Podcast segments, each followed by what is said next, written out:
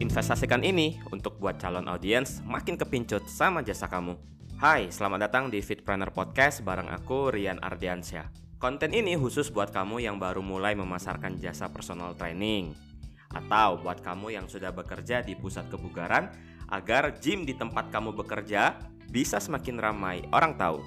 Ya paling enggak kamu bisa menyarankan ke atasan untuk mulai berani menginvestasikan ini. Oke, kasih saran ke gym sendiri bagus banget dong. Ini kan saran yang bisa bikin gym kita berkembang. Oke, jadi boleh disampaikan. Kunci awal agar kita bisa mendapatkan lebih banyak klien yaitu dengan meningkatkan kesadaran klien terhadap brand kita, terhadap uh, jasa kita atau terhadap kamu sendiri secara personal. Yang harapannya nantinya akan meningkatkan income kita ya, income kamu sebagai pelatih kebugaran. Nah, Ingat, kuncinya dengan membangun kesadaran audiens terhadap skill atau jasa yang kamu tawarkan. That's it. Ya. Semakin banyak orang tahu, semakin bagus. Makin banyak makin bagus, tapi walaupun banyak usahakan orangnya itu tepat sasaran. Karena ingat kita nggak bisa menawarkan jasa kita untuk semua orang. Ada beberapa, kalau aku nyebutnya sih ya, tipe pelanggan yang memang cocok untuk kamu tawarkan jika kamu tawarkan ke semua orang sebenarnya ya capek sih. Nggak efisien. Jadi fokus aja pada orang-orang yang sekiranya bakal besar kemungkinannya menggunakan jasa kita. Nah itu nanti mungkin kita akan bahas di episode lain aja ya. Hari ini kita mau fokus ngebahas investasi apa saja yang harus dikeluarkan sebenarnya. Yang cuan banget lah kalau misalnya berani untuk diinvestasikan. Nah sekali lagi ini penting banget karena proses marketing itu wajib dijalankan untuk jangka waktu yang panjang. Jadi mirip kayak PDKT sama gebetan ya. Gak bisa dong tiba-tiba ketemu langsung nembak, kemungkinan buat ditolaknya semakin besar. Nah sama sebenarnya kayak kita e, menggapai klien baru. Gak bisa langsung tiba-tiba baru kenalan langsung ditawarin aja.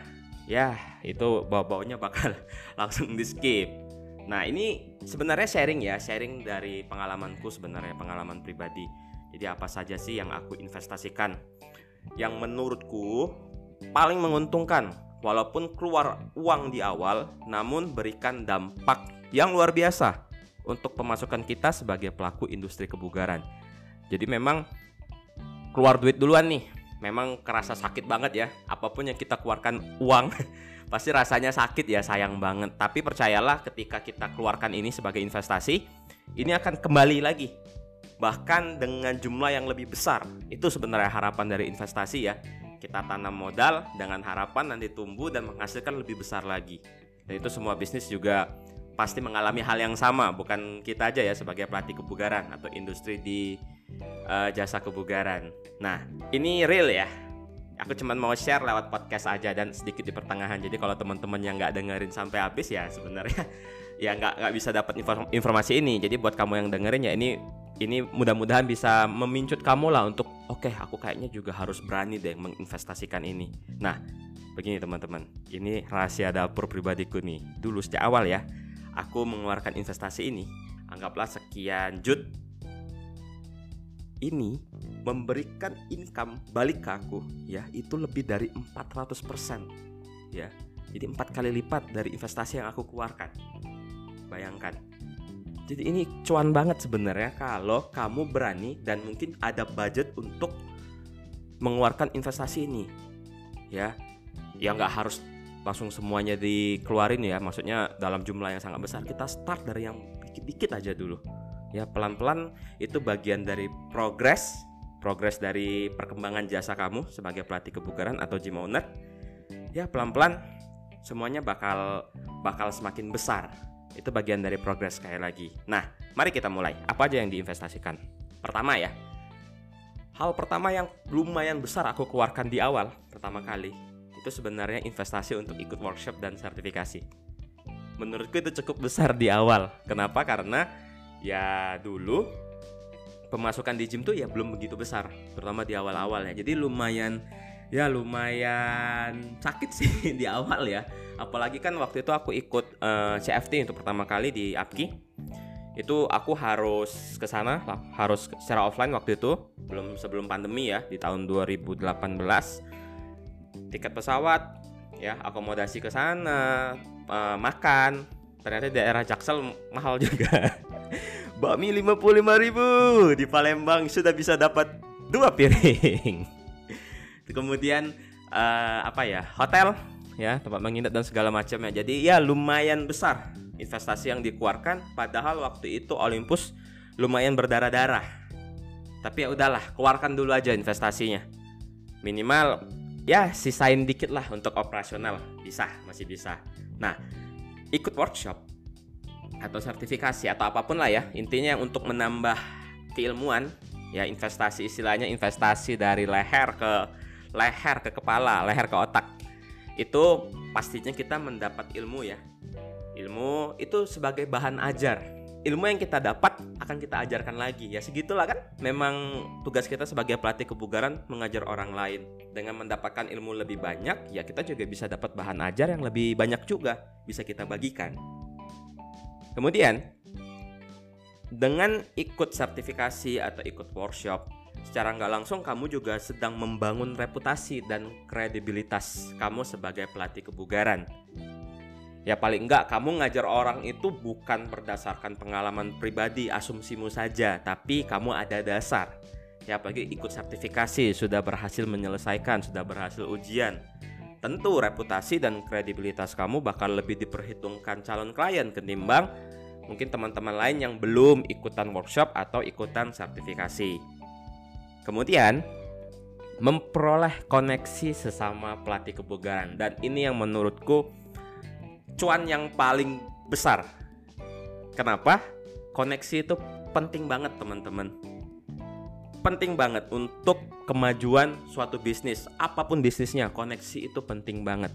Coba deh perhatikan pebisnis-pebisnis ulung lah kita bisa bilang ya pebisnis-pebisnis handal pasti temennya banyak temennya banyak karena ya koneksi. Koneksi itu penting sekali. Kita nggak pernah tahu. Someday mungkin kita bisa bekerja sama ya. Atau kita bisa apa ya ya paling sederhana deh yang bisa langsung kelihatan. Kalau kita punya koneksi kita tuh paling enggak bisa tolong ke teman-teman rekan pelatih lain untuk minimal collab. Apa untungnya sebenarnya collab? Apa untungnya collab sama sama pelatih lain Contoh, jika kita belum punya reputasi sama sekali, misal kayak aku di Palembang ya belum ada reputasi sama sekali. Dengan collab sebenarnya audiens tuh bisa ngeliat kan siapa yang jadi tandem collabnya. Contoh misal Coach Leoni, misalnya aku ngajak Coach Leoni Coach mau nggak uh, bersedia nggak collab IG Live misal di Olympus. Nah orang kan bakal penasaran tuh siapa Coach Leoni misal ya misal nih Coach Leoni mohon maaf. Jadi saya jadikan contoh. Orang akan lihat Coach Leoni wih ini Coach Mama ternyata ada gym sendiri di Bogor gymnya besar misal. Kemudian ternyata setelah di dikulik-kulik wah ini ternyata pelatihnya Jessica Mila orang di balik film Imperfect yang ngajarin Jessica Mila yang melatih Jessica Mila wah ini bukan orang sembarangan nih. Nah ketika kamu bisa uh, meminta tolong collab ya. Meminta kolom collab misalnya ke coach mama misal. Secara nggak langsung ya kamu nebeng nebeng exposure loh sebenarnya kan. Secara nggak langsung kamu bisa orang ngelihat wah ini boleh juga nih temannya coach mama bisa diajak collab. Wah ini kayaknya coach Rian bukan orang sembarangan juga nih bisa ngajak coach mama collab. Nah di situ. Ya penting banget penting banget penting banget. Terutama untuk kita yang uh, yang memang belum ada reputasi sama sekali baru mulai itu penting banget ya untuk bisa membangun koneksi lebih banyak ke pelatih-pelatih lain yang sudah jauh lebih duluan mulai dan sudah ya sudah hebat-hebat ya. Paling enggak kita bisa nebeng. Itu langkah yang bagus sekali. Dan yang aku suka juga sih kenapa aku suka banget dulu ikut sertifikasi berangkat ke Jakarta? Itu saya bisa niru nyontek. Ya ceritanya tuh nyontek ide apa pun yang aku lihat di selama aku ngikut sertifikasi. Maksudnya apa coach? Gini, ketika dulu datang kan aku ngeliat tuh fitness embassy. Wah ternyata gym di Jakarta begini ya. Ya jujur saya anak kampung di Palembang. Jakabaring tuh jauh dari dari pusat kota. Bahkan aku sampai hari ini ya sejak awal karir fitnessku di tahun 2017 aku sama sekali belum pernah masuk ke pusat kebugaran mega gym yang besar-besar ya kayak Osborne misalnya Selfie nah itu aku belum pernah masuk sama sekali. Ngelihat dari depan aja atau dari luar. Kalau masuk tuh belum pernah. Kenapa ya? Ya nggak pengen aja sih. Tapi someday mudah-mudahan ada kesempatan untuk main-main ke sana. Ya minimal ngeliat-ngeliat yang mungkin ada yang bisa diimplementasikan ke Olympus. Nah balik lagi. Mendapatkan ide itu penting banget ya. Terutama kita yang di daerah mungkin belum semaju di kota industri fitnessnya. Penting untuk kita tuh istilahnya main jauh-jauh lah supaya kita ngelihat wah ada ide bagus yang bisa diimplementasikan bisa dicoba di gym kita di daerah. Sebenarnya kan sesimpel itu ya. Jadi udah dapat ilmu udah dapat kredibilitas kemudian memperoleh koneksi dan mendapatkan ide yang bisa diimplementasikan kurang cuan apa itu? Memang tidak bisa diuangkan saat itu ya. ya istilahnya apa ya? Intangible ya intangible asset. Tapi ini penting banget untuk memulai journey kita sebagai pelaku industri kebugaran. Penting banget. Jadi ya investasi yang paling cuan menurutku di awal itu ya ikut aja lah workshop sertifikasi. Penting ya.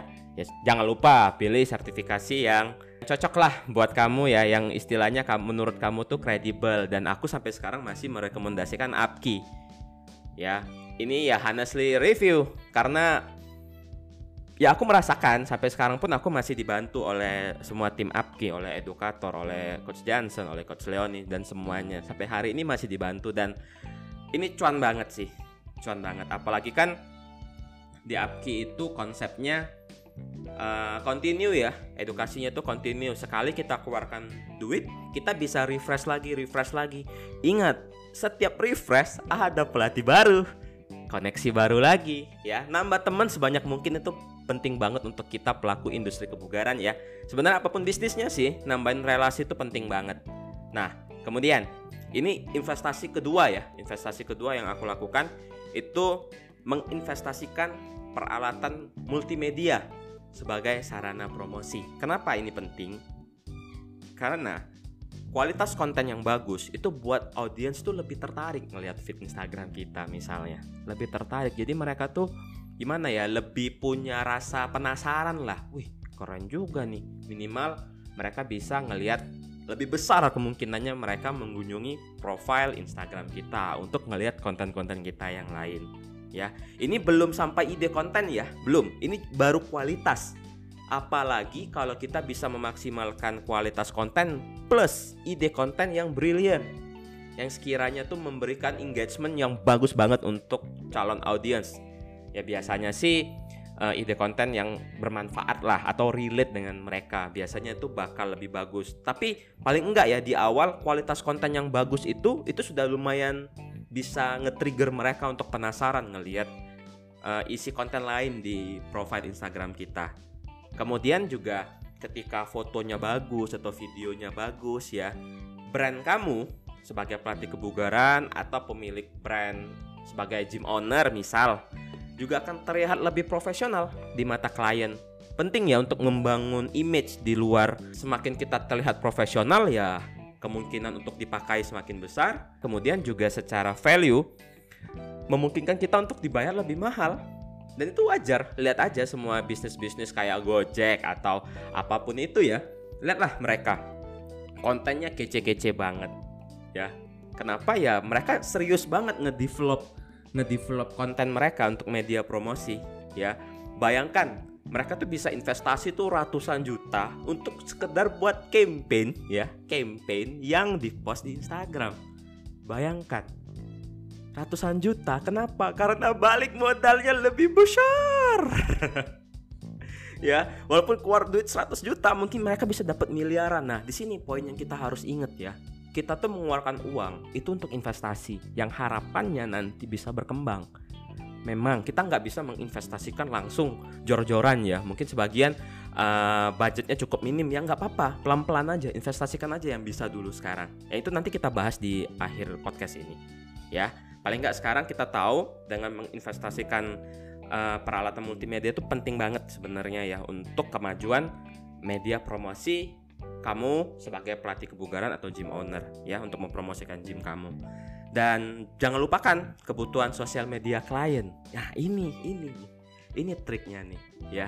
Buat kamu yang dengar sampai saat ini ya di menit sekarang, wah ini ini penting banget. Jadi buat yang teman-teman yang nggak dengar sampai sampai di menit ini ini sayang banget sih. Dan ini termasuk uh, apa ya? Termasuk rahasia dapurnya Olympus lah. Kenapa kita bisa ngejangkau audiens tuh banyak banget, ya. Kita tuh memanfaatkan kebutuhan sosial media klien. Ya, setiap orang tuh terkadang ya memang ada beberapa orang yang jarang aktif di Instagram tapi yang aktif juga banyak. Nah ini yang bisa kita manfaat manfaatkan sebenarnya ya. Karena kebanyakan klien itu seneng memposting aktivitas di gym kita saat sedang latihan ya. Sedang kettlebell swing cepret di foto. Wih keren nih. Sedang deadlift cepret. Wah ini keren nih. Pos pos. Wah. Apa untungnya buat kita? Itu media promosi yang gratis namun sangat powerful meskipun ya klien yang ngepost tuh followernya cuma 500 deh misal. Tapi itu organik circle mereka. Ya nggak perlu sampai puluhan ribu tapi bot kita perlu orang. Ya orang yang lihat langsung. 500 orang itu banyak loh. Misal kalau mereka bisa lihat semua. Jangankan 500 klien yang nge-share orang ngelihat 30 aja itu sudah bagus banget. Itu baru satu yang nge-share. Gimana kalau misalnya ikut kelas ada 10 sekali hari itu ada 300 orang yang tahu brand kita bayangkan. Ya dan ini gratis. Kita nggak mesti bayar mereka tolong dong pos. Kayak selebgram misalnya tolong dong pos. Nanti dibayarkan enggak mereka kita bagi ya mereka juga seneng ya. Sebagai klien juga istilahnya puas lah seneng ada servis ngebagiin foto mereka latihan. Di sisi lain kita juga diuntungkan. Kenapa? Media promosi kita. Nah jangan lupa ya itu kenapa kita berani investasikan untuk peralatan multimedia. Karena dengan kualitas video dan foto yang bagus ya ini memperbesar kemungkinan klien untuk share foto atau video yang kita bagikan itu semakin besar. Ingat ini media promosi yang gratis namun powerful ya. Sekali lagi berani ya. Ada budget bolehlah di, disisikan untuk ya untuk peralatan multimedia bagi yang belum punya, bagi yang sudah ada, mari dimaksimalkan. Ini peralatan yang direkomendasikan untuk aku ya, dari aku maksudnya, dari aku untuk berani diinvestasikan oleh kamu. Sebenarnya hanya dua, kalau aku pribadi ya, ini saranku yang paling penting ini hanya dua. Satu, kamera DSLR. Dua, iPhone series 8 ke atas. Aku jelasin. Kenapa alasannya aku merekomendasikan kamu untuk berani menginvestasikan dua ini. Pertama, kamera DSLR ya bisa mirrorless juga terserah. Intinya ya sejenisnya ya, sejenisnya. Uh, kamera DSLR itu memungkinkan kita untuk ngejepret gambar yang bergerak tapi tajam.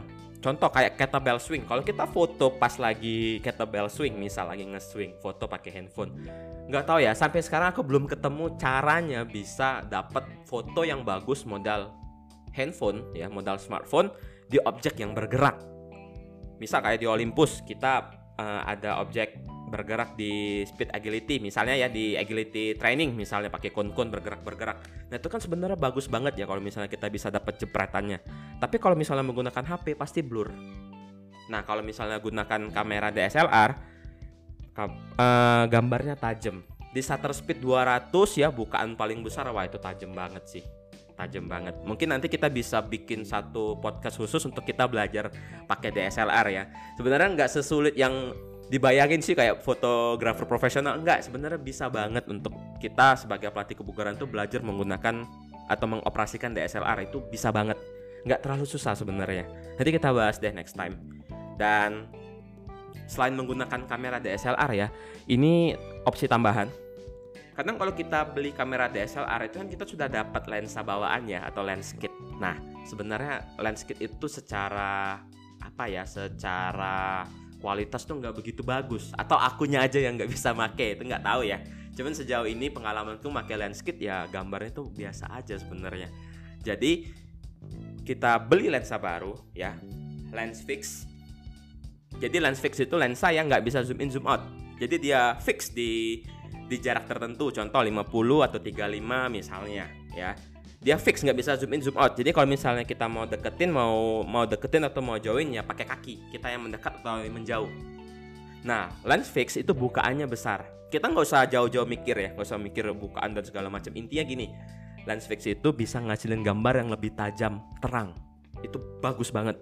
Jadi bolehlah untuk diinvestasikan Nah, lens fix ya bisa pakai 50, bisa pakai 35, terserah. Kenapa saya merekomendasikan iPhone series 8 ke atas? Ini pengalaman pribadi sih. Ya, jangan lupa ketika kualitas videonya bagus, orang tuh makin gatel buat nge-share media promosi yang sangat bagus sekali ya. Gratis yang penting gratis. Ini yang paling penting, gratis. Jadi walaupun keluarkan uang 16 juta waktu itu, iPhone juga kamu enak buat editing juga enak, gak nge-lag, terus pilihan aplikasinya juga ya oke. Okay. Selama ini aku kalau misalnya editing tuh pakai Splice. Ya, misalnya kamu sekarang pakai iPhone ya bolehlah misalnya kamu belum belum bisa ngedit mau belajar ya coba aja pakai Splice atau iMovie juga bisa tapi aku lebih prefer sih pakai Splice ya bolehlah kalau misalnya belajar jadi kita belum pernah pakai DSLR, belum pernah pakai iPhone, belum pernah ngambil gambar, belum pernah editing. Kira-kira gimana? Masih harus menginvestasikan ini? Sebenarnya saranku nggak apa-apa sih, beraniin aja.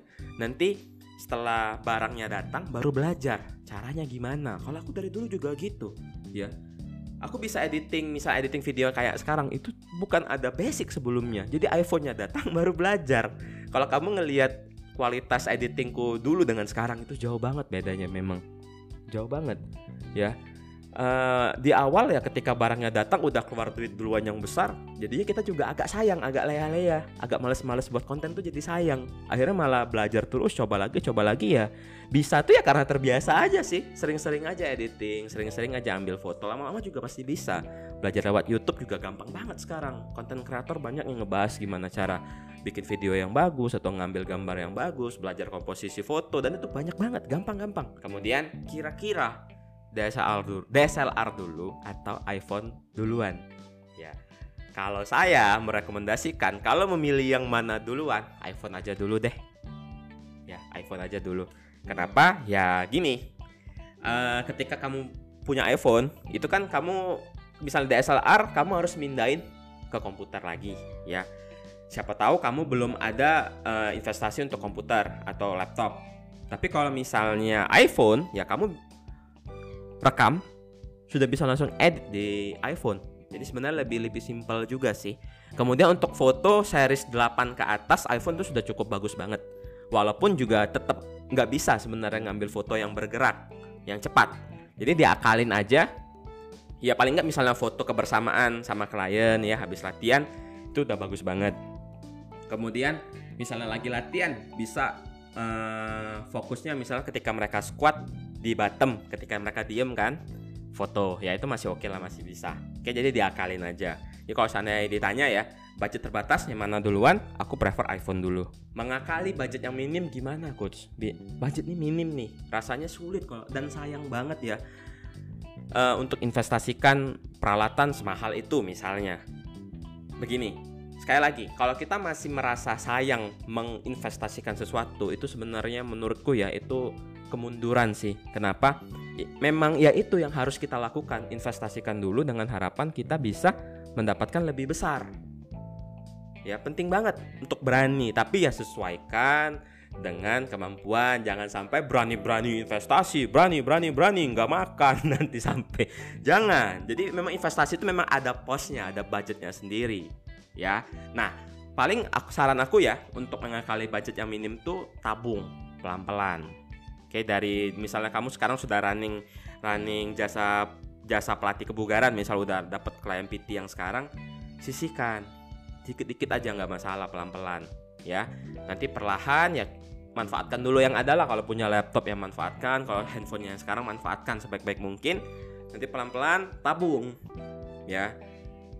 Minimal kamu sudah tahu seandainya kamu mau beli DSLR kamu beli mau beli iPhone itu budgetnya kira-kira keluar berapa? Tabung terus kamu bagi kira-kira kalau seandainya nabung sekian misal saya mau dapat saya mau nabung ya nabung tujuan investasi saya mau beli DSLR sama iPhone series 8 ke atas buat investasi media promosi anggaplah habis misal berapa ya?